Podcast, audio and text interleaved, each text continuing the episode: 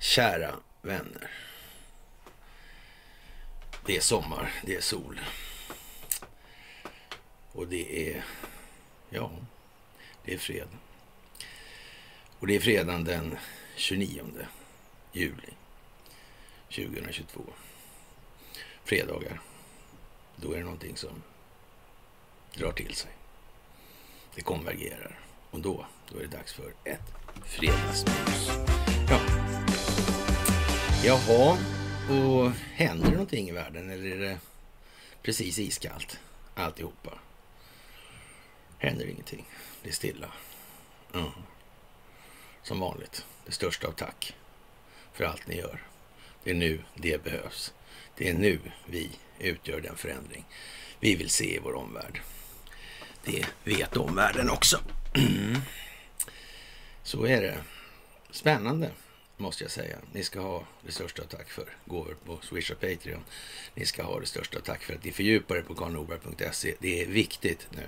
Och ni ska ha det största av tack för att ni hjälper till och följer underbloggar och kanske just nu är det viktigt med det här uh, Free People's Movement.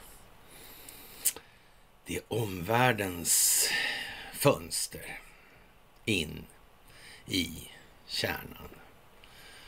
Enkla, korta, sammanfattande klipp. Mm. Fantastiskt, helt enkelt. Ja, dagen till ära tycks det gå att dela Youtube-klipp på Aftonbladet för första gången på länge. Jag vet inte. Jallarhornet blev Tjallarhornet helt enkelt. Tänk så det kunde bli. Jag hade ingen aning. Nej, hade vi inte. Det hade vi inte helt enkelt. Till hösten kommer Ryssland att ändra sin strategi, säger man nu. Ja, angående vad som händer i Ukraina och lägga på bordet ett trumfkort i form av kärnvapen som avskräckande medel. Jaha, det verkar ju konstigt här. Hur är det här egentligen? Ja, som sagt, eh, höjer man ribban nu ambitionsnivån över Ukraina? För Ukraina, vad är det för någonting alltså? Och Ryssland är väl knappast roat av att ha någonting in på knuten. Det var väl, hur var det där egentligen in, in, vid Sykes-Picot där och med tsaren? Var, de, var han var inte heller så road av det där jag för mig. Det där tycks gå igen alltså. Historien spelar upp sig själv fast liksom baklänges istället. På något vis. Kan det finnas en plan? Kan det finnas en strategisk planering? Kan de krafter som samfällt koordinerat motverkar den djupa staten har liksom gjort en plan innan de börjar med det här? Eller skrev de till verket helt oförberedda och eh, ja, så att säga, lagade efter läge? Eller finns det inga krafter helt enkelt? Det kanske är som defaitisterna säger. Det finns bara en spelare som kontrollerar båda sidorna. Mm. Och, och, systemet är inte skuldmättat, alltså det valutafinansiella systemet, det monetära systemet. Det, det är inte skuldmättat. Mm. Mm. Det är inte skuldbaserat heller då, antar jag. Nej. Och, och, för att komma ur det här på ett lite enklare sätt kanske, så kanske man så att säga tar till de pedagogiska grepp och metoder som krävs för att få med sig folk lite grann. Kan det vara så också? Ja, man kanske pratar lite om guld och silver och, och lite krypto kanske och, och sådär liksom. Mm. För i själva verket så måste det finnas en målsättning bara. Det är allas bästa eller inte. Enskild nytta. Eller allmän nytta. Det är liksom den eh, avvägningen man måste bestämma sig för att göra. Förr eller senare. Det är ju konstigt. Det är ju konstigt. Mm. Kanske krypto är Ja, en del av det här kanske. Mm. Kanske är det till för att väcka folk. Och folk ska börja fundera på det här överhuvudtaget. Mm det är väl underrättelsetjänstbaserat det där också. Det är så mycket som är det. Precis som techjättar och annat. De är också det. Mm. Underrättelsetjänstbaserade. Mm. Mediaplattformarna. Konstigt. Det där är konstigt. Mm. Jag måste säga att eh, det är imponerande att se den utveckling som ni har. Det är jätte... Roligt, tycker jag verkligen. Jag tycker det är fantastiskt. Ja, och eh, den här konfigurationen i, i Ukraina nu med, med, så att säga failed state begreppet. Är det där en stat ens? Eller vad är det för någonting? Jag vet inte. Jag vet inte faktiskt. Mycket speciellt är det i alla fall, det är helt säkert. Garanterat. Och eh, man kan väl säga att rätt mycket av det här styrs från Kreml i alla fall. Om man vill vara lite återhållsam i det här. Mm. Det är mycket kring det där alltså. Det, när, när Sovjetunionen kollapsade och, och ja, hur var det där med statskupp som Gorbatjov tyckte? Han tyckte väl att Jeltsin hade väl gjort någon statskupp eller något. Så sen utsåg Jeltsin också någon lirare. Ja, det är han Vladimir Putin, ja just det. Han finns ju på den här bilden också. Donald Trump. Donald Trump hade något att säga om 9-11 en gång i tiden tror jag. Var det inte så? Mm. Recep Tayyip Erdogan, han känner till det där med det är en Devlet i alla fall, det är jag säker på. Mm. Det är säkert, deras djupa staten alltså. Ja, ja. Och så har vi han då. Xi Jinping. Som underlivsporslinet pratade om med häromdagen. Det, det är ju lite underligt. Ja, hur är det där? Har, har han någon kännedom om det här med djupa staten, tror ja. Han måste ju ha en liten aning om Kinas kommunistiska parti, att det existerar. Det känns i alla fall som en rätt så rimlig grej att anta. Ja. Och, och, han kanske känner till då eh, ja, Shanghai och Hongkong och sådär. Det vet inte jag riktigt. Men jag misstänker att det kan vara så. Mm. Ja. Och, och, på tal om det där förresten, vad konstigt med den här Liran Gustafsson där och, Escobar-företaget som bara ringde upp till Jakob och sådär. Mm. Ja, de där Escobar-lirarna eller Escobar-företagen som säljer avlyssningssäkra telefoner. Men det kanske inte hör dit, jag vet inte faktiskt. Mm. Mm. Men de kan inte lyssna på dem eftersom de är avlyssningssäkra. då kan ju vän av ordning, hur kommer det sig att det har kunnat fortgå, fortgå så där? Ska det bli tydligt på något? Är det det som är själva eh, jigget här nu? Va? Är, det, är det själva optiken i det här? Man ska kolla det där och kolla, konstatera att det där är inte riktigt rimligt. Alltså, är det någon annan som kan ringa hem till Jakob och fråga honom idag? Han kanske kan ringa till oss. Han får ringa mig om han vill. Det är inga problem. Jag kan ställa upp på en intervju med Jakob Wallenberg om han vill intervjua mig. Sådär. Mm. Och det här med röstningarna. Det här med röstlängderna, ruttna röstlängder, det verkar dåligt. Mm. Utlandssvenskarna får rösta nu. Hur många är de egentligen? Vet man det? Och hur vet man att den som vet det inte förvanskar de uppgifterna? Vem kollar det? Eh, det kanske är Riksrevisionen som kollar det. Det är de där, ja. Det, det, det är systrarna... Just det, de där systrarna, ja. Mm. Karin. Just det. Och Barbro. Med, med sina finest. Det är ju konstigt. Det är lite märkligt nästan, va? Jag undrar, ja. Kanske det har att göra något med Maxwell. Gläng. En svart bok. Mm. Hållhakar. Hållhaksbusiness. Kan det vara så? Kan det ligga i pipen också här? Det blir oerhört problematiskt för en del. I så fall. Mm. Kan någon ha planerat det här tro?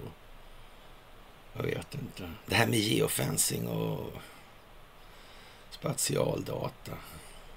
Kan det vara så att de har avlyssnat väldigt mycket, väldigt länge. Nästan rigoröst. Finns det en möjlighet för det? Jag menar, om de har planlagt det här väldigt länge, har de inte gjort slag i saken redan i förberedelseskedet då alltså? Eller? Det kanske det var så att man måste genomföra det här precis på det sätt som utvecklingen har spelat ut sig optiskt. För att få, få människor att förstå, för att få människor att reagera, för att människor ska känna ett engagemang. Det här med tusen, höll jag på att säga, men 100 000 i månaden för att värma upp huset här i Sverige. Mm. När ska de reagera? Jag vet, det var naivt det där med dieseln för 17 spänn. Alltså, katastrof. Jag all, överskattade grovt eh, nivån på ja, bildningsnivån helt enkelt på, på befolkningen. Det måste jag ju erkänna alltså. Mm. Ja, det behövs ordentliga grejer här, det är alldeles uppenbart. Inget snack om den saken helt enkelt.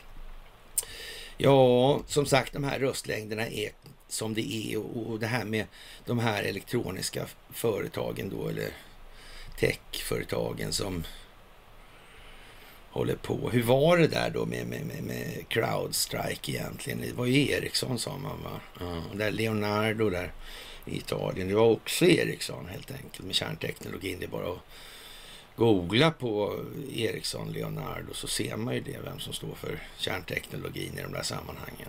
Spelar det någon roll? Hur var den här med den amerikanska militära strafflagstiftningen och det här med eh, att veta om saker men sen inte varsko. Ja, men då är det ju tur då att vi har den här övningen här nu med så mycket amerikaner här. Om det skulle helt plötsligt sådär framgå att det har förekommit en massa oegentligheter i samband med det här valet som inte alls följer vad konstitutionen föreskriver. Det kan man ju säga är lite olyckligt i så fall. Mm. Hur mådde Hultqvist egentligen när han insåg att han hade varit avlyssnad så där väldigt länge? Mm. Vad konstigt. Stefan Löfven, hur mådde han alltså? Tänk den här gången när han sa till John Kerry sådär att ja, we're not drunk yet, Mr State Secretary mm, Kennedy. Ja. Utrikesminister Kerry, ja. Ja, vad konstigt.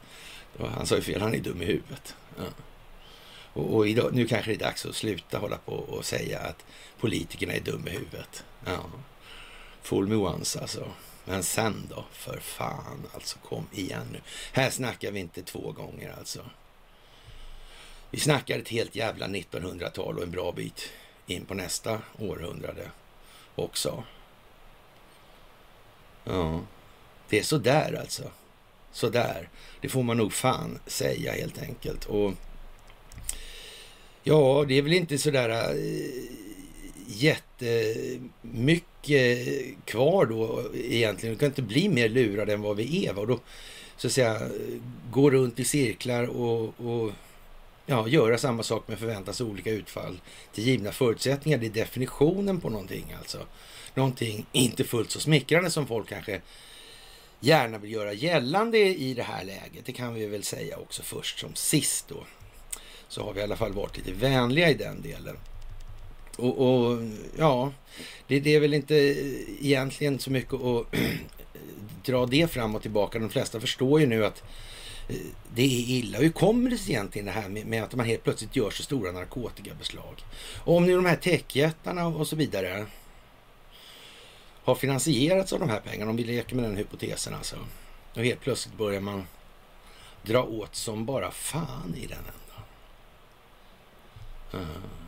Har den här narkotikahandeln eh, till någon del, ja men om man tänker på det här med Ericsson och de här avlyssningssäkra telefonerna och den här Gustafsson och de här grejerna. Mm. Har det skett med någon form av underrättelsetjänst goda minne? Mm. CIA har ju varit lite i görningen och på tapeten under lång tid. Vi har pratat lite grann om de här bröderna Dall och kanske deras möjliga relation. Vi vet ju ingenting så mycket, så mycket om det. Va? Visserligen försvarar de ju då familjen Wallenberg i Washingtonförhandlingen och Trelleborgsaffären. Men, men ändå, bortsett från den lilla detaljen då kan man säga. Mm. Ja, det verkar på något vis som att det varit en verkställande hand alltså. Den vita handen kanske. Ja, som orkerna där hade i pannan. Ja, kanske det kanske. Jag vet inte. Mm. Störst, bäst och vackrast naturligtvis. Den amerikanska befolkningen. Mm. Mm, det får man inte ur dem så lätt och därför måste det nog tas med lämpor det här på det viset. Få tas i steg, tas i delar. Man kan inte glufsa i sig en elefant i en tugga. Det är helt jävla omöjligt. Det är helt garanterat i alla fall. Och man har alltså i, här i Sverige då, i Örebro län då, eller så, har man dömt sju personer för inblandning i en amfetaminfabrik och de har ja, framställt då storleksordning ett halvt ton så vitt det är känt alltså. Och, och mm. Men det är konstigt att det händer nu alltså. Ändå.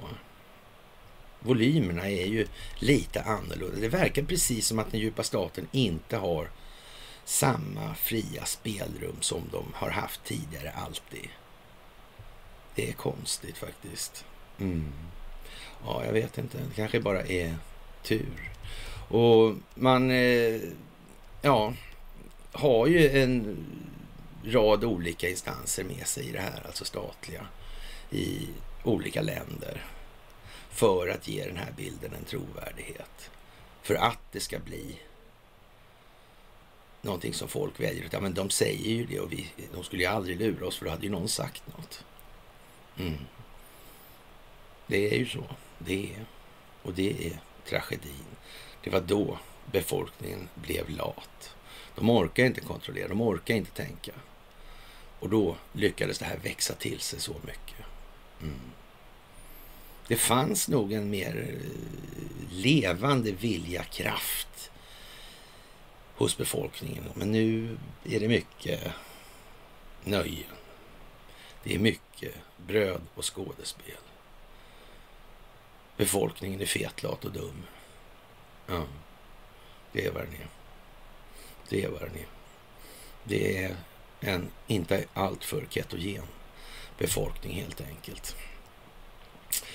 Ja, och eh, borgmästaren i New York han tycker på något vis att eh, Joe, Biden eller underlivsporslinet då han framhåller inte ekonomin på ett sätt som kanske överensstämmer i allt för stora delar med verkligheten. Han, är på något vis liksom inte inne på att det här är en underbar ekonomi och inte i lågkonjunktur. Utan Eric Adams som är borgmästare där han säger att USA har gått in i en lågkonjunktur och Wall Street kollapsar just nu. Alltså. Och det, det är inte vad Joe Biden säger precis. Alltså. Det finns någon form av delning här, en vattendelare inom det demokratiska parti som sitter i skiten med Julian Assange och Seth Rich och herr Durham och hans utredning. Mm. Kan det komma mer? Jo. det kommer mer alltså. Vi befinner oss i en finanskris som ni aldrig kan föreställa er. Wall Street håller på att kollapsa. Vi befinner oss i lågkonjunktur, säger New Yorks borgmästare som är en figur som av hävd då är den djupa statens mer, en av de mer framträdande paladinerna i det sammanhanget. Det kan man också konstatera i det här. Och fler får nog faktiskt börja inse nu att det har varit i säck innan det kommit på sig rätt så väldigt jävla länge det här. Och vi har tagit upp den här bilden rätt många gånger när Expressen och CNN då utnämner sig då till, till strategiska samarbetspartners. Och då, då, partners då. Och i det här läget just nu då med avseende på att Donald Trump stämmer CNN och, och försöker skapa den rättsliga grunden för att CNN har varit ute och fulkört väl medvetna om att det har pågått ett spel då i det här. Det vill säga man har uppenbarligen brutit mot lagar och förordningar i den meningen. Då blir det ju så att säga rätt påtagliga straffpåföljder. Och det är alltså inte särskilt lämpligt att vara en strategisk partner till en sån. Alltså man, man får nästan misstänka då att man hamnar lite i ögat själv, alltså, eller i, i hårkorset. Mm. Lite i stormens öga, sådär. Mm. Och hur, hur kommer det här sig egentligen? Eller är det kanske så ändå då, trots allt, att det här har så att säga initierat och rattats från annat håll? Mm. Några som verkar utan att syna. Ungefär som de där fåtalet svenskar som på ett brutalt vis lägger sig i Kinas inre angelägenheter. Det kan ju vara så att Xi Jinping känner till sådana här så grejer. Kan det vara. Och vem vet alltså? Mm. Kanske man har upptäckt då från flera länder då som Turkiet, eh, Kina, Ryssland och Amerikas förenta stater att det är ju samma gäng på alla ställen. Mm. Det är märkligt. Och så kanske man har bestämt sig för att samfällt agera i den saken. Mm. Det kan ju vara så. Det kan ju vara så. Alltså. Mm. Man visste nog rätt tidigt vem som finansierade vilket med vad och underrättelsetjänstkollektivets roll inom den djupa staten. Det får man nästan säga. Mm. Och Five Eyes och det här. Och vilka finns med där igen som gemensam nämnare hela, hela, hela, hela tiden. Men det är bara av en tillfällighet alltså. Mm. Och det är ingen koordination bakom det här alls. Nej. Det finns inga samarbeten mellan de här länderna då. I den meningen. Att motverka den djupa staten inom sig själva genom att samverka länder emellan. Mm. Men vi ska behöva ha den här diskussionen länge till alltså. Ja. ja, ja, då har vi det helt enkelt. Om det behövs. Oroa sig inte. Då har vi det. Mm. det jag tycker det är lite speciellt alltså att man framhärdar. Och som sagt, de här tech-plattformarna. Alibaba där verkar vara lite pigga nu. Mm, Jack Ma. Han verkar vara lite pigg också. Mm. Hur är det med Börje förresten en sån här dag? Är han i bra form? Eller hur fan är det i bryggan där? Är han mjuk? Mm. Jag tror det. Han bär inte riktigt längre. Det skulle vi nog vilja påstå i alla fall. Och, och ja, och Ronald Reagan då, hangarfartyget går med sin eskader då och sina skärmar. Det är sådana båtar som ligger runt och skyddar henne så hon inte ska bli påskjuten som en badanka och sänkt. Eh, det blir hon ändå om det behövs så, så det, det är ingenting att... Mm. Den Amerika, amerikanska sjunde flottan då att, säger då att man har eh, återvänt till Sydkinesiska sjön då. Och eh, ja, det är schemalagt alltså. Mm. Nordkorea har lagt sig i där. Skyddsambassad för Five Eyes. Vilket land var det nu då? Jag tittar, ja. Så ja. Mm. Först på plats också. Så, ja. Nej, jag vet inte. Det är tillfälligheter. Mm. Vem sålde reaktorutrustningen till Nordkorea? Som gjorde att det kunde bli en kärnvapenmakt. Jaha. Men Donald Trump, han kom överens med Kim Jong-Un, ja. Mm, det gjorde han, ja. Mm. Och, och kineserna verkar ju överens med Kim Jong-Un i alla fall. Och ryssarna verkar inte heller alltför aviga. Mm. Konstigt det där. Mm. Det är lite, ja jag vet inte. EUs triumftåg och succé vet helt enkelt inte några gränser heller. Vad har vi sagt om de här projekten, NATO och EU och Israel sin nuvarande form. Och tappningar av vi egentligen under decennier? Hur har vi sagt här egentligen? Vad ska det bli med allting egentligen? Ja. Jaha, det är fantastiskt. Det går jättebra för EU nu i alla fall och det är skönt att se det alltså. Och det var ju en som inte tyckte det där var så roligt. Det var väl han Jakob Wallenberg det också, va? som sa att det var en liksom halvtrist dag på jobbet. Sådär lite, ja, inte så jävla glätt i alla fall. Ja, utåt sett är enigheten stor, men tisdagens energiöverenskommelse är långt ifrån så hård som EU-kommissionen ville. Bakom kulisserna muttras det återigen högljutt över Tysklands gasberoende med just Tysklands agerande under eurokrisen i färskt minne. Det ska sparas i de europeiska energiladorna. EU-länderna kom på tisdagen löst överens om att försöka minska på energikonsumtionen med 15 procent under de närmsta åtta månaderna och därmed förbereda sig på att Ryssland kan dra åt gaskranarna ännu mer alltså. Och maximalt åtta månader kan vi omtolka det där till och så kommer det här spektaklet att kunna bli värre. Sen kommer det att bli bättre. Alltså kan vi ju eh, säga då också sådär. Men det kan ju bli bättre långt tidigare så där beroende på vad som sker då. Men, mm. Och eh, ja, beskedet kommer alltså kort efter att Gazprom återigen har strypt flödet i gasledningen Nord Stream 1 och samtidigt som priserna på naturgas rusar. Skulle Vladimir Putin stänga av flödet helt skulle EU-kommissionens form, EU-kommission EU-kommissionen formellt utropa ett slags energinödläge och då skulle energiransoneringen inte längre vara frivillig utan ett tvång. Men då måste alla först gå med på det här och då kan den idén falla. Ja, de 27 energiministrarna lovar att göra sitt bästa, allra, allra jättebästa alltså.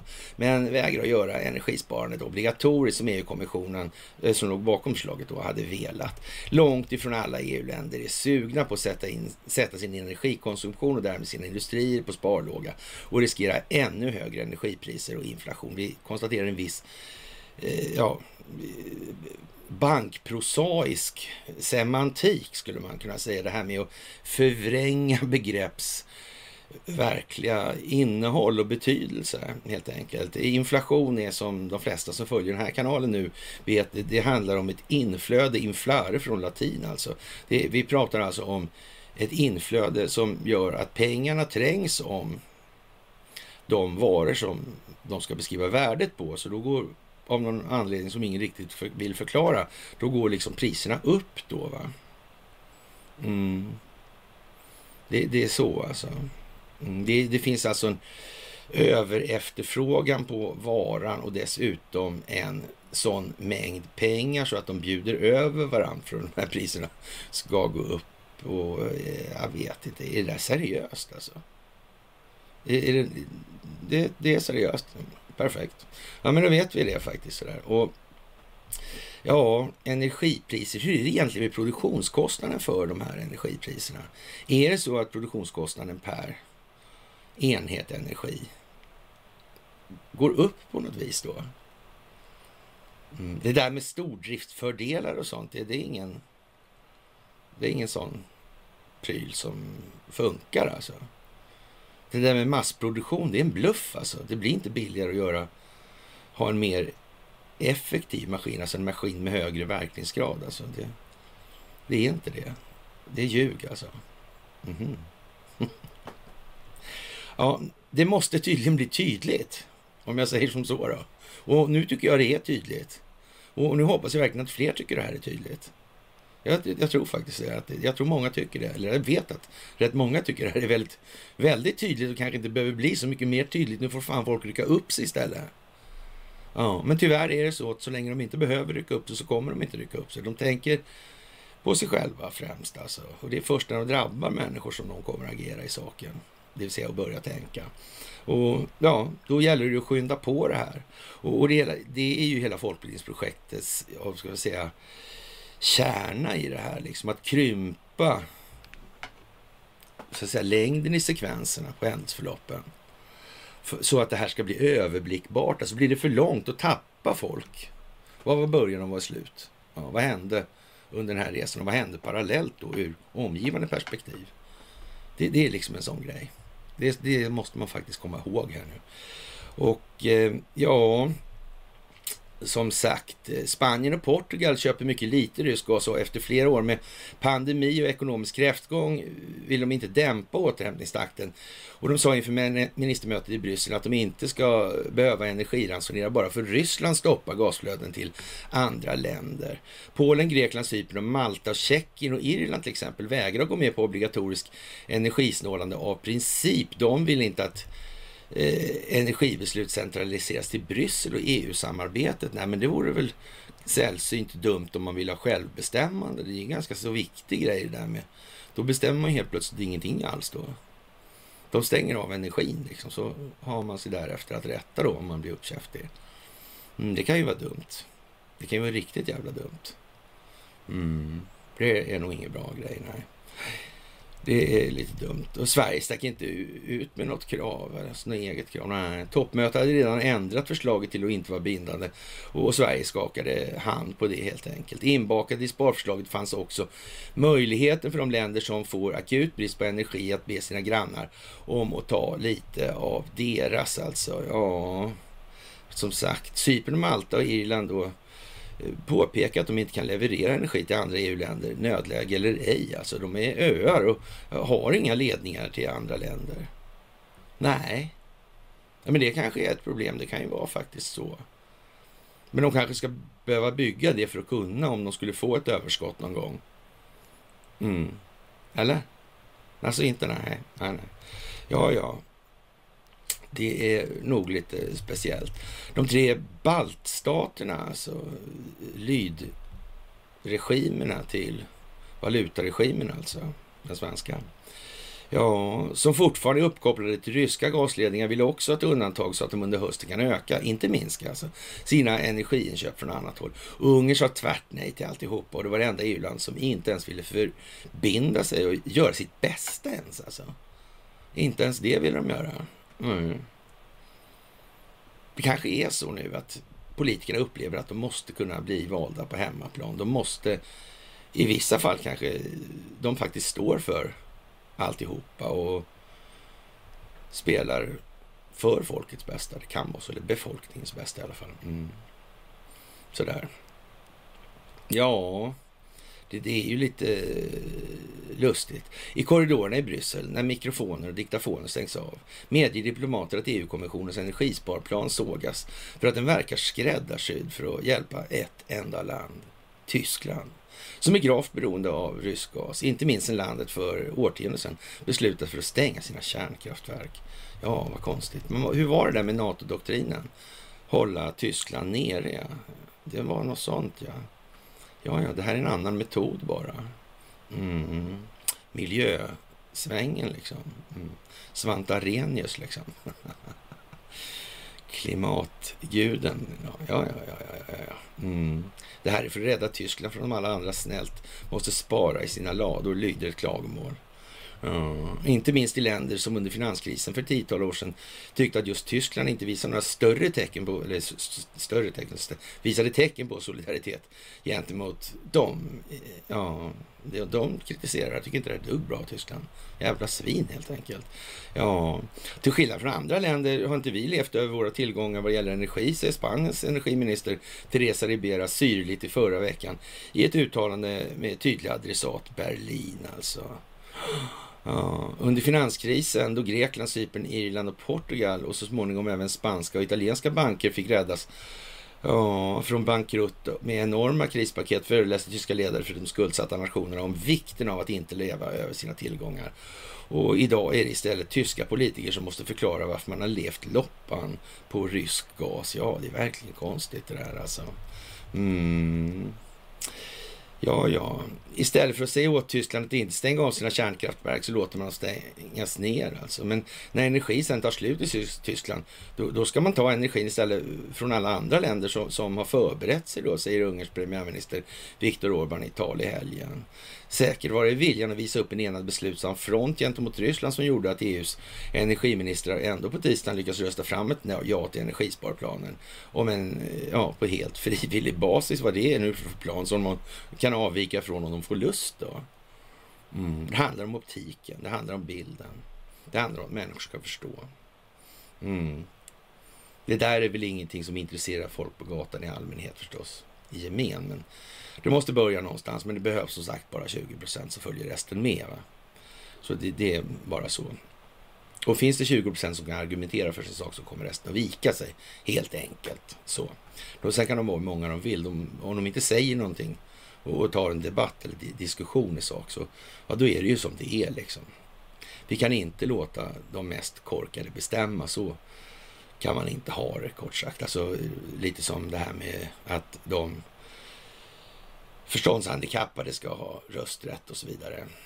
Mm, alltså två förståndshandikappade kan rösta bort en jätteklok människa då. Som ledare då. Är det lämpligt? Mm. Ja, det får ju en var bedöma alltså. Tysklands smala lycka är dessutom att de övriga länderna i EU, särskilt euroländerna, mycket väl vet att den gemensamma valutans framtid ligger i Tysklands händer. Landet är fortfarande unionens ekonomiska lokomotiv då, ja. Det är dragkraften helt enkelt. Men nu är det skuldmättat. Nu räknas det ner. Och det går inte att komma undan att folk kan se över det här. Det spelar ingen roll hur många grejer de har försökt slå upp här med pandemier och inflation och krigshot och så vidare och så vidare. Nej, det duger inte. Nej. Som sagt, det duger inte. Fackföreningsverksamheten. Saltsjöbadsavtalet. Kan det vara så att eh, den svenska modellen i själva verket är den sämsta modellen? Mm. I ett system med institutionaliserad korruption och jordens mest korrupta industrialister. Mm. Vad gör det svenska fackföreningar? Kan det vara så att man hade på tidigt stadium klart för sig att det var billigare att betala en fackföreningsledare tillräckligt än att höja lönerna för hela lönekollektivet? Kan man ha räknat ut det på förhand? Eller är det omöjligt att tänka ut? Kanske uppmuntrade man skapandet av fackföreningar, rent ut sagt. Inte öppet. Nej, det gjorde man naturligtvis inte. Det går inte, då blir det inget trovärdigt. Nej. Men man kan säga att när fackföreningsledare börja komma i samhällsledande ställning, då har man det. Då är det svenskt.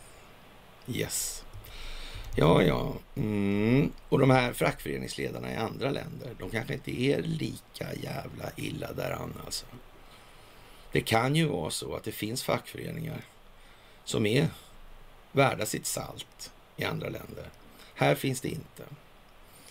Här finns det inte. Här är det kollektivet. Mm. Som sagt, ja, Facebook har förändrats som en del av den djupa statens underrättelsetjänstkollektiv där man till exempel kan eh, ja, dela saker lite annorlunda. Det kommer upp andra saker i flödet. Mm, helt plötsligt. Det är speciellt nu. Det är mycket speciellt kan vi säga. Det är ingen diskussion om den saken. Ja, och som sagt det här med pengarna. Alltså. Vem har finansierat de här eh, techjättarna? Men hur kommer det sig att underrättelsetjänstkollektivet fick fingrarna på det här egentligen? Eller var de med från början? Och sen har man då så att säga med hjälp av andra sorters pengar då som man har haft då, offshore och via trafficking av olika saker då, alltså människor och narkotika och vapen och såna här grejer. Mm, som fyller politiska roller också i olika regioner. Kan det vara så att det här har gått till på det viset? Kan det vara så att de här egentligen är helt jävla värdelösa och aldrig har varit något annat? Och så att säga, man har spelat med i det här från de som motverkar den djupa staten koordinerat för att i ett givet skede mer eller mindre öppet ta över jallarhornet och göra det till ett tjallarhorn. Kan det vara så? Men jag vet inte faktiskt. Det. Men, men det skulle kunna vara så i alla fall. Det tror jag. Mm. Det tror jag är inte alls omöjligt. Ja, ja. Ja, vi får väl se vad, vad eh, som kommer närmsta dygnen. För att det kommer här närmsta dygnen, det är någonting i alla fall. Det kan vi vara helt jättesäkra på. Alltså. Och jag, jag tror att många eh, underskattar omfattningen av de saker som sker nu. Inte minst utifrån att de inte ens ser dem. Och som sagt, men det behövs bara 20 procent. Och så mycket är folk intresserade nu att de faktiskt i den omfattningen engagerar sig. Det är helt säkert. Ja, när Merrick Garland utser en specialutredare som man inte i efterhand kan påverka, då har vi kommit i en mycket speciell situation faktiskt. Då kommer den här planeringen nästan helt i öppen dager då. Det, det, det får man ju säga är lite eljest nu. För, för, om man inte kan påverka honom sen. Och sen får han för sig då det första han gör när han, han har, får då eh, ett utredningsuppdrag angående ja, Donald Trump då, och det här med, med 6 januari då till exempel. Och sen är det ju som i alla utredningsuppdrag då, det, så här, det, det finns utredningsdirektiv alltså. Mm, vad exakt, vilka avgränsningar. Och, och, och, sen har han då en befogenhet då att leda det här vidare för att det inte ska liksom kunna gömmas en massa skit i det här. Mm. Men hur lång tid tar det egentligen innan han springer på någonting med ja, Uranium One eller DNC kanske har mer med Donald Trump att göra och, och kanske den djupa statens verksamhet i andra avseenden. Man vet ju inte. Kanske Seth Rich, och Julian Assange och ja, Hillary Clinton verkar lägga bakom en del också. Kanske det kommer sådana saker i det här. Mm. Underlivsporslinets Ukraina-affärer, underlivsporslinets Kina-affärer, underlivsporslinets valkampanj. Mm. Hur var det egentligen med Millie där 6 januari? Hur är det med Adam Schiff i det sammanhanget? Försöker han sopa igen några spår nu? Mm. Ja, kanske han gör va? Ser ut så lite grann. Ja. Ja, vem vet vad han stöter på den där. Och honom kan de inte avbryta sen om de väl sätter till honom. Mm. Ja, ja. Vi får väl se. Kan det vara så att det finns en annan demokrat som inte är demokrat? eller kom man aldrig på den idén? Gjorde man det eller gjorde man inte? Nej. Ja, det är konstigt alltså. Det kanske finns politiker i USA som faktiskt vill att rätt ska vara rätt. Som är demokrater. Jaha. Ja, det kan finnas sådana. Det är inget snack om saken faktiskt. Nej. Och då blir det ett problem om de inte talar om att de är det på det sättet. Utan de spelar med i det här istället. För att nå de effekter som de som motverkar den djupa staten vill åstadkomma. Mm. Det är ju konstigt. Men de kanske inte kom på det. Eller också kom de på det och då är det en annan femma här alltihopa. Ja, det är ju lite intressant alltså. Och tänka sig om inte Antifas verksamhet har dokumenterats väldigt, väldigt länge alltså. Ner i minsta detalj. Kan det vara så alltså? Till och med när den här historien i Tyskland där och med Tim Pool och de här gänget alltså. Mm.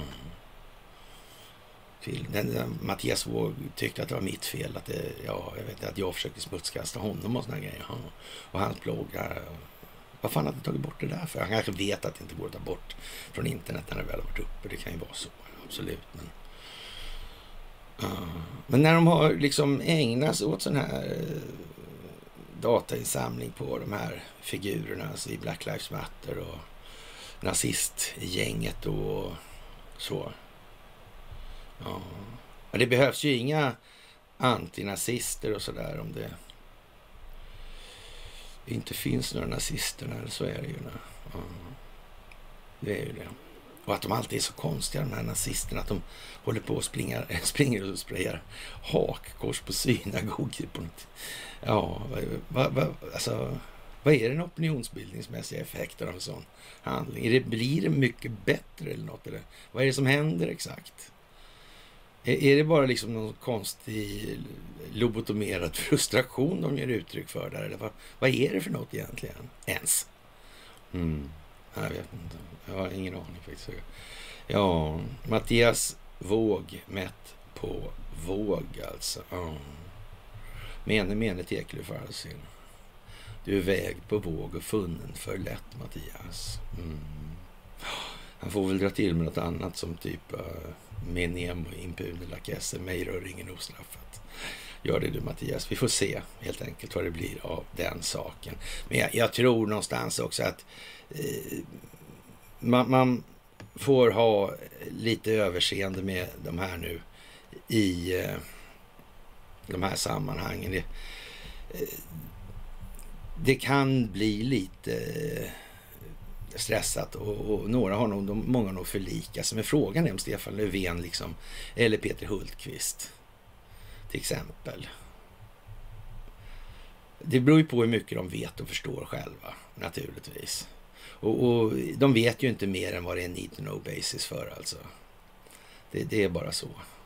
Så dum är ingen heller. För det blir ju å andra sidan bara möjligheter till hållhaka för deras del på andra då i så fall. Så, så, så fungerar inte det här med cellbildningen i de här sammanhangen. Såklart inte. Och jag tror att vi kommer få se rätt mycket av det här. Men det måste till optik alltså nu. Det är det som löser det här. Och det måste till ledning till i upplysning, alltså upplysning till ledning och vidare upplysning. Det, det är det vad som måste ske. Och, och, det är där vi utgör en del. Och inte den minst viktiga delen, närmast kärnan i Sverige då. Där, ja, vaggan till Stockholmsbyråkratin, Stockholmsskolan, Stockholmssyndromet kommer ifrån alltså. Mm. Ja, i gaskrisens Tyskland så väntar och kalla duschar och släckta lampor och strålkastare vid monumenten. Och kan vi säga så här att om man nu ska prata optik i den delen så kan man nog säga att vad som är liksom jättemarkant eller skulle vara jättemarkant inom släck, över Brandenburg tår där. Då, då, kan vi säga så här, då kommer nästa grej att bli något mer fysiskt i alla fall. Det, det tror jag. Mer än så tror jag inte de kan alltså. Men det vet vi ju inte faktiskt. Det vet vi ju inte. Och, och ja, allt är bra som det är nu alltså. Fantastiskt. Mm. Och idag är det slut på övningen. Den stora militära övningen här. Alla fartygen och Kearsarge och marinen, amerikanska marinkåren. Mm. Ja, ja. Vad ska de göra nu soldaterna då? Vad ska de göra? Mm. Det vore ju en, ja, vad ska vi säga, inte kanske bizarr och inte kanske heller paradoxal eh, situation, men lite av båda. Mm. Att det här valfusket skulle uppdagas eller att då Wisconsin desertifierar valet och tvingar alla andra delstater att göra detsamma då på en gång. Mm mer eller mindre i alla fall utreda och de kommer komma fram till samma sak. Och som sagt, det här med ett par tusen mulor kan göra, många åsnor kan göra stor skillnad ändå. Mm. Ja, som sagt, kommer valfusket nu då är det ju nära till hands för att man måste säkerställa att inte folk börjar röja bevis. Det kommer man ju vara rätt så sträng med skulle jag vilja påstå. Det är nog något som ligger klart i farans riktning i alla fall. Jaha, och det gör väl då att vi kan väl i någon mån då konstatera att då är det dags för ett skräckmoment. Alltså nu måste det svenska folket upp på tå. Nu måste dramatiken bli riktigt farlig alltså. Folk måste bli ännu mer spända, skrämda, rädda, osäkra och så vidare skärpa sig i det här. Inte lalla omkring lika mycket. Och eh, man skulle väl kunna säga att det är väl ungefär så när svensken ska skita ner sig till total självförnedring och be Ryssland om nåd utan att Ryssland kan beskyllas för någonting alls i sak alltså. Så det är ju ingen som kan klandra Ryssland för att de beter sig som de är utsatta för sanktioner. Mm som inte en enda västerländsk strateg kunde räkna ut skulle leda till den situation som vi nu befinner oss i. Nej, ingen enda. Hur är det här egentligen? Ah, nu vet jag. Det är en plan alltså. En strategisk planläggning. Ja, ja, ja. Där ett antal länder motverkar den djupa staten. Mm. Som finns i, i de länderna alltså. Mm. Alltså det är så det är alltså. Ja, ja. Och, och, svenska politiker de är ju kända då runt om på planeten för att just motverka de här globalisterna. Det är ju en sån grej som mm, alla vet ju hur riksdagspartierna fullkomligt slåss om att ställa till det för Investor.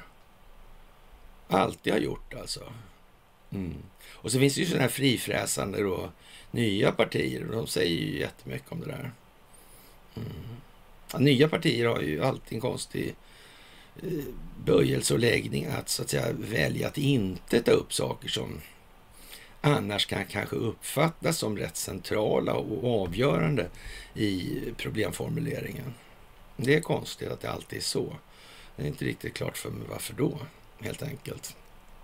Ja, eh, det är som sagt, eh, ja, ska rusta upp försvaret, men det finns inte personal. En allvarlig situation, säger Hultqvist. Alltså, vi kommer tillbaka till det. Som det kan bli med andra ord, alltså. Ja, jag vet inte vad man ska säga om det där, faktiskt. Vi kan säga så här i alla fall, att, att ett vindkraftföretag, det mångdubbla resultatet, elpriserna driver på alltså. Jaha, och då undrar ju vän av ordning, det lär ju inte bero på att antalet enheter producerad energi är sådär. Och om det är vindkraft så är det ju vad det är. Har det blåst mycket mer då? Eller vad fan är det de menar då? I det här. Eller har verkningsgraden på de här jävla hårfönarna, har den, har den blivit så mycket bättre då eller? Eller vad är det de menar om? Så, så ja det här med lönsamheten och, och verkningsgraden. Det, ja, så har vi det där med miljön också. Det är inte det är konstigt det där jävla jippot. Men ingen har sagt något. Vad beror det på egentligen? Vad beror det på? Mm. Ja. Och de här var, alltså, ska man ens ta på allvar att de här Agenda 2030 och de här fantasifulla grejerna har varit menade, liksom allvarligt menade. Det är inte så att det är stacklat från dag sekund ett liksom. Och sen har det bedrivits folkbildning sådär, oavsett vem som var president i USA. Kan det vara så? Eller är det så här då? Kan det vara på något annat sätt än så? Om man tänker efter. Det får man fundera på nu faktiskt. Ja, som sagt, det är nära nu. Det är förfärligt alltså vilken riktning allt färdas och utvecklas i. Det är för jävligt alltså. Det rullar ju dit det lutar alltså. Det, det är ju nästan som vore det planerat alltså. Eftersom det förefaller rulla dit det lutar alltså. Och, och ja, i, även då i det allra, allra bästigaste av bästiga länder alltså. Ja, världens största humanitära stormakt alltså. Och han måste ha blivit besviken, Hultqvist i alla fall, när han kom på att han hade varit avlyssnad av främmande makt i evigheter. Det måste ha varit lite tråkigt. Det kan inte varit så roligt kan man ju tycka. Försvarsmakten befinner sig mitt i en personalkris. Stridspiloterna hotar att säga upp sig medan det råder stor brist på officerare. Men det räcker väl att vi köper flygplan antar jag, så att vi ja, ger då ja, Svenska Aeroplanaktiebolaget lite understöd helt enkelt. Det här är en allvarlig situation, säger försvarsminister Peter Hultqvist Socialdemokraten, svenska upprustningen av försvaret har stött på stora problem. Hälften av stridspiloterna har hotat med att säga upp sig eller ta tjänstledigt i höst på grund av försämrade arbetsvillkor och personal eller pensionsavtal. I juni slog flygvapenchefen Carl Johan Edström larm och, och beskrev situationen som en kris. Alltså. Det här är en väldigt allvarlig situation som vi tar på största allvar. Om det skulle vara så att alla som tagit tjänstledigt slutar kommer det att påverka oss, sa han då. Han, ja, vi kommer att klara att försvara Sverige då, ändå menar man någonstans här. Samtidigt råder det även brist på yrkesofficerare och försvarsminister Peter Hultqvist uttrycker sin egen oro. Det här är en allvarlig situation som vi tar mycket seriöst på, säger han då. Och kommer Sveriges försvarsförmåga att påverkas? Det är oerhört viktigt att vi har stridspiloter som kan sköta och flyga våra flygplan och att vi kommer kunna upprätthålla de beredskapsdelar som vi är ålagda. Nu vet inte jag exakt hur han menar att vi är ålagda av vem, men jag förutsätter att han menar då i eh, NATO-sammanhang till exempel, eller försvarssamarbetssammanhang. Försvarsmakten och försvarspiloternas intresseorganisation FBI har suttit i förhandlingar den senaste månaden och gjort vissa framsteg enligt Carl-Johan Edström. Även officersförbundet har kopplats in, säger Hultqvist. Jag tycker det är väldigt bra och jag har också fört dialog med överbefälhavaren och flygvapenchefen i de här frågorna men det är myndigheten som är ansvarig för att hitta lösningar. Jag upplever att man är väldigt intresserad av att göra det, säger han. Ser du någon lösning i sikte? Jag utgår ifrån att vi kommer att lösa det här. Sen tänker jag inte gå in på några detaljer eftersom det är myndigheten och arbetsgivarorganisationen som ska lösa det. Och jag vet inte, hur länge har han vetat det här egentligen? Hur länge har han vetat om att det här är en stor riggad teater? Det är ju fan att han lyckas hålla sig med en polemik så, som han går klar liksom. Fast han säger ju det han säger. Mm. Men han är dum i huvudet. Mm. Ja, ja. Det är ju som det är kanske. Jag vet inte. Jag vet inte vad Hultqvist egentligen vet, men eh, det ser ut som att Hultqvist känner till den djupa staten. Det har vi sett exempel på hur han liksom, det här handlar om hur den djupa staten ska agera alltså, eller fungera, sa han. Det är ju konstigt. Ja. Och i den meningen måste han ändå rimligtvis insett att eh, syftet hos Xi Jinping, Recep Tayyip Erdogan, Vladimir Putin och Donald Trump är att den djupa staten inte ska fungera alls. Eller? Har han inte fattat det? Jag tror han har fattat det. Mm. Ja, men han måste blivit rätt besviken. Mm. Ja, som sagt, jag vet inte. Det här har konspirerat mot eh, riket, eller landet då, med främmande makt. För den djupa staten kan inte sägas vara något annat än en främmande makt. Åtminstone i förhållande till vad befolkningen uppfattar det som. Mm. Och särskilt då de som förnekar att den existerar. Det kan man ju säga. De skriver ju under på att ja, all den stund som den entiteten existerar som aktivt intresse för egen räkning. Mm. Ja, då är det främmande makt helt enkelt. Då är det inte landet Sverige längre och den svenska befolkningen. Det får man ju acceptera. Mm. För, då, för att då inte tala om vad andra länder anser om det här. Att vi har låtit det hållas. Mm. Ja, det är lite grann som det är med Hultqvist faktiskt. Och jag har ju pratat med honom någon gång sådär, eller ett par. Och ja, det är speciellt alltså det här. Inget snack om den saken. Jaha, och vad ska man säga egentligen? Det finns en inbyggd destruktiv mekanism i hela systemet. Och det här är ju någonting som ni känner väl till nu. Det, det är ju liksom inga nyheter för er och ni har ju en helt annan grund än vad folk i gemen har även internationellt. Och, och där, vi, där är vi ju lite annorlunda då. Och så, så har vi då, eh, vi har ju lite så då. Och så har vi lite av det, så att säga, helt annorlunda. Mm. Och, och, det kan man ju kanske tycka är lite sådär. Men som sagt, det behövs inte mer än 20 procent alltså. Och, och här, nu spelar det sig själv alltså. Endera dagen så bryter det bara och det kommer ju någon händelse som så att säga blir avgörande eller tillräcklig då som får kamelens rygg att knäckas i det här. Mm. Och där vi ser inte riktigt var det är någonstans. Men som sagt, det var inte på 17 spänn på diesel i alla fall. Så mycket kan vi ju konstatera. Och, och som sagt, samhället är tvungen att spara då på jakt efter möjligheter att klara av en allt tyngre skuldbörda och åtstramningar hit och dit i många länder och så vidare och ökad social instabilitet och samtidigt förväntas alla konsumera så att det blir tillväxt så vi kan betala tillbaka den här växande räntekostnaden på den här skulden vi aldrig kan betala tillbaka.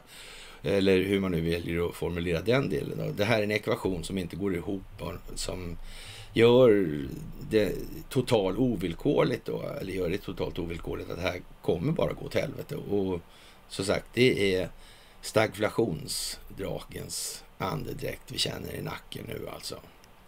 Det är så. Det är fantastiskt faktiskt. Och inte mycket att göra åt. Ja, man får väl hoppas att det här går städat till i alla fall. Igen då. Det kan vi inte säga nog många gånger. Och ja, när vi pratar om eh, så att säga, länder som förhåller sig till omvärldsutvecklingen då så kan man säga att Argentina, Brasilien och Mexiko eh, vägrar att fördöma konflikten i Ukraina. Nu är det ju inga som håller med Ryssland enligt svenska medier, men det är väl ändå så det att börja säga mer om svenska medier än vad det säger om konflikten i Ukraina.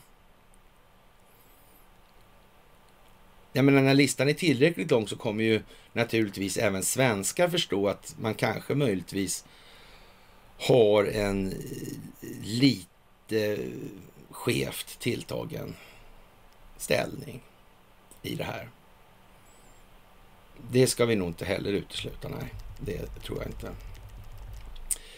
Jaha, och eh, Kim Jong-Un då, han är nu redo, säger han, med sina kärnvapenmissiler alltså. För, han är klar för en direkt konflikt med USA alltså. Och, och, ja, det låter ju dramatiskt alltså. Det låter ju verkligen dramatiskt. Det verkar ju gå upp temperaturen där nere i det här skedet. Ja. Som sagt, det är mycket speciellt alltså, det får vi säga. Alltså, Xi Jinping och, och ja, Vladimir Putin där, de verkar ändå komma rätt bra överens alltså. Mm. Jag vet inte, och, och västerländska medier och så är ju ganska negativa till de här figurerna. Mm. Man kan säga att den här, de här figurer, fyra figurerna på Johannas bild med den här globen som får pyspunka alltså. Ja, det är som det är helt enkelt. Och verkligheten är vad den är. Och svenska mediers beskrivning av verkligheten, den är också vad den är. Så där, det får vi nog konstatera vid det här laget skulle jag säga. Och man börjar då i USA då prata om att man ska ta in nationalgardet då i, i eh, Washington alltså. Mm, jag vet inte, det, det verkar ju konstigt alltså. Det, det rapporteras om varmvattnet i, i Tyskland i svenska medier, men man säger inte så mycket om, om man ska köra in nationalgardet i, i, i Washington DC. Alltså. Det, det, är kon, det är väl konstigt. Stadens överväldigande borgmästare bad om hjälp efter att Texas har börjat flytta migranter till Washington. Alltså. Mm. Och, och Washingtons DCs borgmästare Moriel Bowser vädjar till Pentagon och Vita huset för hjälp från nationalgarden med att ta itu med de tusentals illegala migranter som bussas in från Texas och Arizona. Men, men fick inget svar. Det, ja, det är ju konstigt alltså. Väldigt alltså. Bowser klagar på att huvudstadens resurser var överväldigade av ankomsterna. Han bad först om hjälp från nationalgarden 19 juli, ett brev som försvarsminister Lloyd Austin fick då. Och, och det andra brevet var daterat den 22 juli och var adresserat till Vita huset enligt NBC anslutna VRC TV som publicerar texten till båda. Borgmästaren har ännu inte fått något svar på något av breven tydligen. Nej, vad konstigt alltså. ja, Ja, alltså i första brevet noterar Bowser då att Arizonas guvernör eh, Doug Ducey och Texas guvernör Greg Abbott följde upp det här med varsitt hot om att börja skicka migranter som eh, tagits över den amerikanska gränsen illegalt i landets huvudstad alltså. Mm. Och Bowser påstår, påstår att det är 4 000 migranter har anlänt till distriktet nu i mitten av juli. Ja, jag vet inte. Det är jättekonstigt alltså. Och det verkar på något vis som man har tänkt igenom det här. Man har låtit det här rinna igenom av någon anledning. Och nu sitter de där alltså. Mm. Texas och Arizona gränsar båda till Mexiko och drivs av republikanska guvernörer. Båda delstaterna har klagat över en stigande våg av migranter som passerar illegalt vid gränsen från Mexiko ända sedan Joe Biden invigdes som president. Kan det vara planerat det här tror i början av juli deklarerade en domare med ansvar för ett län i Texas en invasion och sa att över 3,2 miljoner illegala utlänningar hade fångats vid gränsen sedan januari 2021 medan ytterligare 800 000 undvek att fångas. Jaha. Ja, jag vet inte. Det är konstigt det där alltså. Påverkar det röstlängderna förresten? Mm. Ja, ja, som sagt, ett ABB-land som skramlar med kärnvapen har vi nu också alltså. Och, och, det är ju eh, en tempohöjning skulle man väl kunna säga. Och i, eller i Ukraina då så pratar man om att det, det, det är liksom eh, det här med slaget vid, om Cherson då. Och, och, jag vet inte heller om man ska... De här svenska analytikerna i de här sammanhangen. Man, jag vet inte om man ska kalla det för analys med eh, den inställning som de här analytikerna har. Det ser mest ut som det är partsinlager inom ramen för en opinionsbildning som bygger på att gynna enskilda nyttomaximeringsintressen. Det verkar mest vara så nu och jag tror inte det är så många som tycker att det är särskilt svårt att se heller egentligen. Bland de som orkar läsa och inte bara är förtrollade av fotboll och annat. Mm. Men, men det kan ju vara fel förstås. Alltså. Ja, det är många som talar om många saker nu helt enkelt och det är bra. Och varför anklagas Ericsson för att ha mutat IS? Vilka är Saudi Ericsson alltså? Och Saudiarabien och Mohammed bin Salman, vad är det där för någonting egentligen? Varför låste han in alla de här på Ritz-Carlton? Vad har den där primgubben med saken att göra? Mm. Det där Saudi Ericsson verkar konstigt. De, nu bojkottas de här, den saudiska golftouren också. Ja, sådär. Lite grann. Inte av Donald Trump då tror jag, men... Eh, det där är lattjo. Mm. Det där är lite speciellt nästan. Man. Och inte ens golfen alltså, inte ens den alltså. Ja, man får väl eh, nästan anta att det har varit i säcken när det kommit på sig alltså. Vi kan väl, eh, ja, lätt konstatera att det kommer mera i den riktningen och vi kan väl säga att eh, Bandar bin Sultan måste man komma ihåg namnet på nu. Det är viktigt. Alltså han som gjorde Oil for Arms med Margaret Thatcher 1985. Alltså skapade den här Al-Yamama-fonden. Det är viktigt nu. Den är mycket central i de här frågorna helt enkelt. Jaha, och eh, ja, man, man, får, får nog hoppas att eh, det blir, går fridsamt till i alla fall. Det, det, men det är, det är nog så. Det här kommer att reda sig den vägen. Men som sagt, det, det är inte så att det saknas ambitioner att ställa till det från den djupa statens sida. Det, det ska man också veta alltså. Och, och, det är ju svårt att veta hur många exakt och vad. Men som sagt, det har tagit lång tid också. Av en anledning. Så kan vi säga. Så när mått och steg vidtas så får man anta också att det sker på goda grunder. Så. Och att man har så att säga förstått eller anser sig ha förstått bilden i en tillräcklig omfattning. Så får man faktiskt uttrycka saken också. Ja, vad ska man säga alltså? Ja, när toapappret tar slut alltså. Och det blir ju väldigt besvärligt i Tyskland framför allt. Och, och man får inte ha varmvatten i offentliga byggnader nu och såna grejer. Och det är klart att det behövs ju mycket sånt där för att väcka sovande alltså. Det ska bli optik. Det ska bli ett genomslag i det här. Faktiskt. Ja, det är rörliga bilder, så kan man säga. Nu talar optiken alltså. Och ja, det är ju sant. Det är bara så det är. Och eh, ja, håll ut, håll ut. De viker sig snart alltså. De kommer eh, sen skräckslagna krypa ihop under bordet i fosterställning och suga på tummen. För nu jävlar alltså, ryssarna gäller det då. Alltså. Nu ligger, ligger Ryssland verkligen pyrt till alltså. Men tänk om det blir så att det, eh, ja, en allt mer lidande och skräckslagen västerländsk befolkning eh, tycker liksom att nej, vi ska inte bråka med Ryssland nu. Alltså, det där blir inte bra och dessutom blir det dyrt. ja, jag vet inte. När Omni skriver så här i alla fall att sanktionerna mot Ryssland sliter sönder landets finanser och har lett till att den ryska ekonomin är katastrofalt förlamad. Det visar en ny studie från amerikanska Yale University. Och som Euronews och Deutsche Welle rapporterar om. Studien som enligt Yales experter är den första i sitt slag har utgått ifrån slutsatsen eh, att den ryska ekonomin står still alltså och att landet helt saknar förmåga att ersätta vad man förlorar. Det Kina och de här andra som de är kompisar med, de finns alltså inte. Nej, utan det viktiga är våra pengar är mer värda då på något konstigt vis alltså. Mm.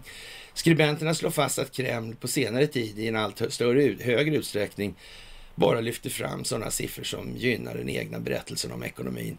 Denna av Putin valda eh, statistik basuneras sen slarvigt ut i medier och används av mängder av välmenande men slarviga experter för att måla upp prognoser som överdriver, alltså orealistiskt ogynnsamma för Kreml, alltså, eller orealistiskt gynnsamma för Kreml ska det naturligtvis vara. Ja. ja, jag vet inte. Det, det, det är som sagt, det är, ja, det, det är bara liksom som det är nu. Alltså man tar sig för pannan helt enkelt. Sådär. Och, och ja, hur är det med FN egentligen? Alltså, ja, det verkar ju som att det liksom, ja, eh, en del börjar ju liksom protestera lite och säger då liksom att FN är inte liksom ändamålsenligt överhuvudtaget. Eller ska det liksom, ska vi överge skiten eller lägga ner skiten eller ska vi reformera skiten? Jag vet inte om ni har hört något om det sådär alltså. Jag har ingen aning faktiskt. Har vi sagt något om det där med nuvarande form och tappning på FN? Ingen, han Mr Chans, han var ganska bra va? Mm. Och den där eh, vice generalsekreteraren Eliasson, eh, eh, uh, Jan Kenneth där, han var ju också en bra kille alltså. Mm. Var han eller så? Ja. Ja, ja, ja. Tryggve Lie där också var en fin jävel alltså. Mm. Och jag vet inte om Hauge var kanske också inblandad i en sväng också. Ja. Jag vet inte. Hammarskjöld hade ju andra idéer och det gick inte så bra. Det var inte så populärt. Nej, det var inte det. Jag vet inte. Det konstigt. Det kommer tillbaka det där på något vis alltså. Ja, det, det, är obra alltså det här med FBI och CIA. Och, frågan är ju alltså om eh, de här eh, strukturerna överhuvudtaget ska finnas. Vad ska man med dem till? Vad gör de för någonting egentligen ens? Ja, det, det där är... FBI instruerar sina agenter att omklassificera fall som inhemsk våldsbejakande extremism alltså. Är, är det någon jävla, eller något jävla opinionsbildningsfrieri det här de håller på med? Eh, hur kommer det sig att de har anställda på tidningar? Hur kommer det där sig egentligen? Är inte det lite märkligt? Jag menar om tidningar som sådär, journalister ska vara liksom förmedlare av verklighetsbilden. Alltså då. Mm. Ja, jag vet inte. Det är svårt. Kanske. Eller det kanske inte är så svårt om man tänker efter. Alltså. Mm. Ja, ja, det är klart det måste finnas en massa våldsbejakande extremism alltså för att verka motivskapande för till exempel en starkare polisiär ordning. Mm. Det där med glasmästarens barn, alltså det är en konstig lek. Ja, det är konstigt alltså, det måste man ju säga. Faktiskt. Ja, och så har vi det där med Venezuela och det där med asfalt och Nynäs Petroleum och, och såna här grejer. Och det går jävligt dåligt där alltså. Det måste dras ner där. Mm. Vad är det där för bolag egentligen? Vad finns bakom det där? Nynäs Petroleum. Nynäs Petroleum som finns i Venezuela. Där. Ja, just det. Mm. Och det där med bitumen till asfalten har nog med saken att göra också, tror jag. Ja, det där är inte så lite som man tror. Alltså. Det har gått, varit struligt i Venezuela länge också. Mm. Undrar vad det beror på. Ja, det blir nog inte så bra det där för det företaget och det ska det inte vara heller. Så det är bra med den saken. Jaha, och så har vi det där med Hunter Bidens olika förehavanden och tänk om Kina har mer på familjen Biden än vad som faktiskt är allmänt känt redan alltså. Och Joe Biden har haft telefonmöte då med Xi Jinping. Och, och jag vet inte om det, ja, var det så bra det för Biden när Xi Jinping säger att då eh, han varnar alltså Biden för att inte leka med elden när det gäller Taiwan och samtalet sker i en tid av ansträngda relationer mellan de båda länderna. Det, ja, det verkar konstigt alltså. Den senaste spänningen mellan länderna är representanthusets talman, Nancy Pansy Fancy liksom. Och hennes planerade resa till Taiwan. Alltså hennes gubbe har sålt några aktier, Nvidia-aktier och det var någonting med några komponenter, var det inte det? Mm, jag tror det var någonting som, med något sånt alltså. Mm. Ja, ja. Det verkar kinkigt det där alltså. Undrar om Nancy har fått oemotståndliga erbjudanden. Jag tror nästan det faktiskt. Ja, ja.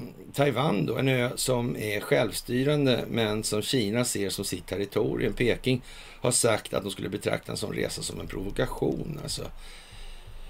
Ja, de som leker med elden kommer slutligen att bränna sig och jag hoppas att man från USAs sida är fullt medvetna om det här.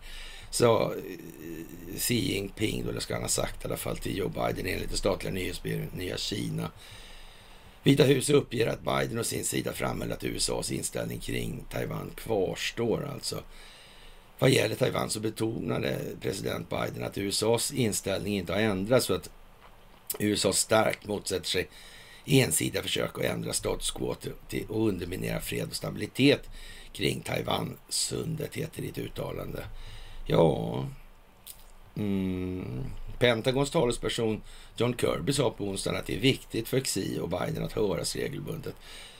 Presidenten vill vara säker på något vis, alltså på att kommunikationen med president Xi fortsätter vara öppen eftersom det är nödvändigt, sa Kirby vid en pressträff i Vita huset. Jaha, det han upplever det behovet i alla fall då. då. Mm. Det finns frågor där vi kan samarbeta med Kina och det finns frågor där det förstås är friktion och spänningar. Kirby nämnde en rad områden som skulle tas upp under samtal, däribland spänningarna kring Taiwan, Kinas aggressiva beteende i den indo-pacifiska pacifiska zonen, alltså regionerna utanför Taiwan. Alltså. Mm. Det är konstigt att det blir så liksom hela tiden. Det är inte USAs fel alltså. Mm, det är liksom lite märkligt. Det är nästan så det är meningen att det ska se ut så också, så att folk ska reagera på. Jag vet inte. Känns ju lite så i alla fall. Ja, det får man nog säga. Mm. Ja, ja, ja, spänningar i den ekonomiska relationen och eh, Kinas reaktion på Rysslands krig i Ukraina. Ja, jag vet inte. Ja. Det är ju spännande nu, det får man säga faktiskt. Och eh, e EU-toppar kan avlyssnas via spionprogram. Ja, vem vet alltså det här med geofencing och så vidare. Mm. Kanske det här har varit jättelänge. Sa de inte någonting om att de hade allt redan innan? Kan det ha varit så alltså? Mm. Kanske har varit så. Mm. Och så till 22 där med Space Force. Det kanske har varit klart hela tiden egentligen. Det kan ju vara så, faktiskt. Mm. Det kan ju ha varit så. Mm. Ja, som sagt alltså. Och eh, ja, Storbritannien i diplomatisk strid om att ta bort rapporträttigheter från könsförklaringen alltså. Ja, det där är ju liksom lite som det är nu, får man nog säga. Det här med kön och sånt där, det får vi nog. Ja, det är som det är helt enkelt. Mm. Som sagt, eh, ja, Ägardirektivstyrda medier är ett måste i kommunistdiktaturer. Det är naturligtvis inte ens en fråga utan lika givet som den som vill slippa ur ett sånt fruktansvärt grepp får vända sig till mer altruistiska intressen. Wallenberg köper alltså tv-station i Taiwan alltså. TV-kanal, är inte det bra? Eller är det, är det liksom... Är det är ingen optik i det här. Det är inget syfte bakom det där, exponering. Nej. Nej, jag vet inte. I så fall vet jag inte. Det kan jag säga så här. Det kan man säga. Jaha, och eh, Xi Jinping han är alltså inte så road av utländska interferenser i Kinas inre angelägenheter. Det här med One China till exempel. Det är eh, lite speciellt alltså. Mm. Och det här med djupa staten. Ja. Donald Trump han säger det rakt ut nu. Men han vet inte vad han snackar om. Nej, det finns inte. Det är bara hans jävla noja liksom. Mm. Ja, men då är det ju så. Men han verkar ju vara överens med de här andra världsledarna. Det man verkar han ju faktiskt vara. Va? Och, och, och, ur det perspektivet så, ja, då är det nog vad det är. Faktiskt. Mm. Det verkar vara som vi som svenskar har suttit och sågat den här grenen vi sitter på innanför oss mot stammen till. Jag vet inte. Ja, det är som det är alltså. Mm. Det verkar ha varit något dataintrång i det federala domstolssystemet alltså i USA.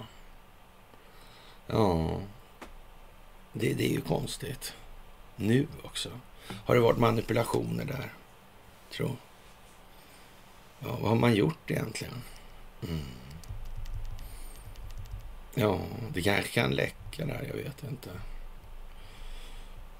Det är mm, mycket speciellt alltså. Det är mycket, mycket speciellt just nu. Ja, som sagt, riksdagsvalet smygstartar och nu kan utlandssvenskarna brevrösta och vallängderna eller röstlängderna är vad de är. Va?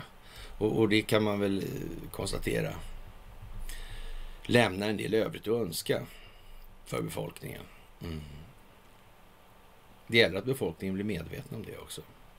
Annars kommer det inte förändras. Det är där lösningen ligger på det. Och som sagt, eh, Jack Ma han har avsikt att ge upp det här med Ant Group nu. Och, och ja, vad kan man säga om det alltså? Det väl, kan vara bra kanske. Kanske det. Och Ågestaverket som vi brukar prata om där man kom på att man skulle bygga så nära Stockholm city. Ja, ja helt enkelt eh, slängt i containrarna nu, kärnkraftsanläggningen alltså. Det var lite dumt. Mm, undrar varför.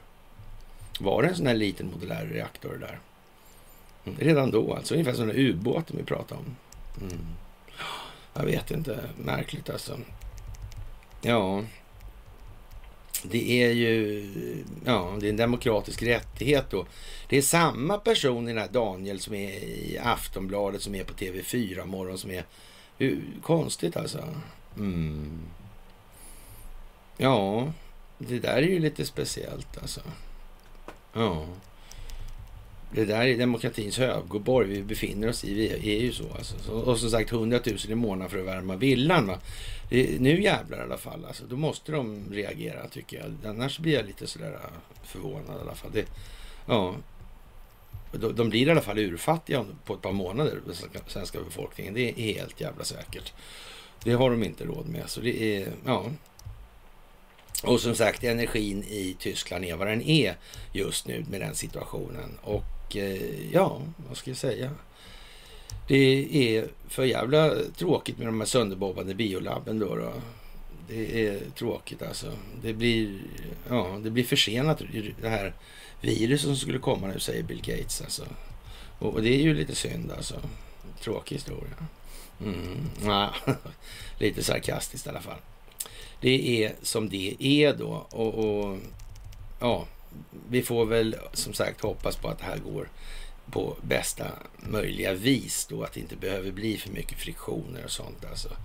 Och som sagt, många är rätt illa ute i det här kan vi väl säga så här. Och H&M letar köpare till sin ryska verksamhet till exempel. Och det är väl inte så bra. Lukas Lundin dog också. Beklagar väl sorgen i och för sig, men ja, han kanske hade haft fingrarna i lite för många kakburkar under sitt liv helt enkelt. Och ja, som sagt, historien kommer komma i kapp Sverige. Hej vad det går nu. Och resten av omvärlden ska helst inte göra upptäckten att vi skiter i allting. Alltså, att 80 procent av den här befolkningen är träskallar, alltså det får vi leva med helt enkelt. Men, men vi måste ju så att säga visa att vi har faktiskt en eh, procentandel av befolkningen som är villig att ställa sig upp för rätt saker också.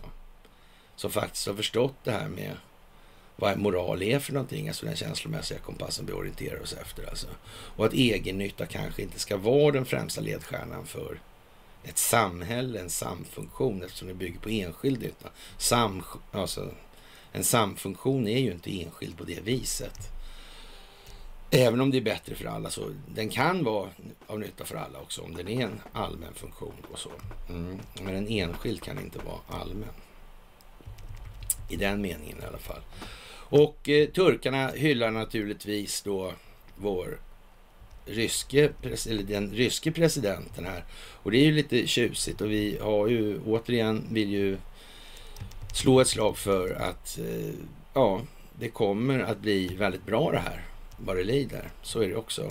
Det är ju...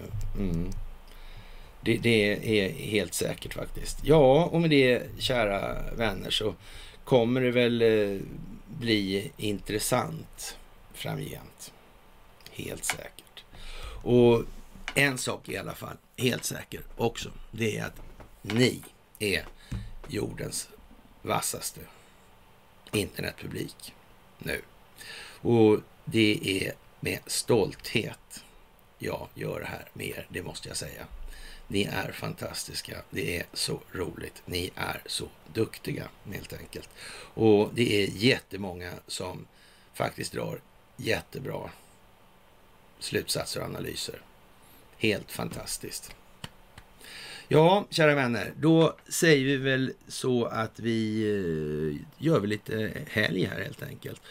En sommardag som denna och sen så hörs vi senast på måndag. Men jag tror vi hörs imorgon redan om jag ska vara ärlig.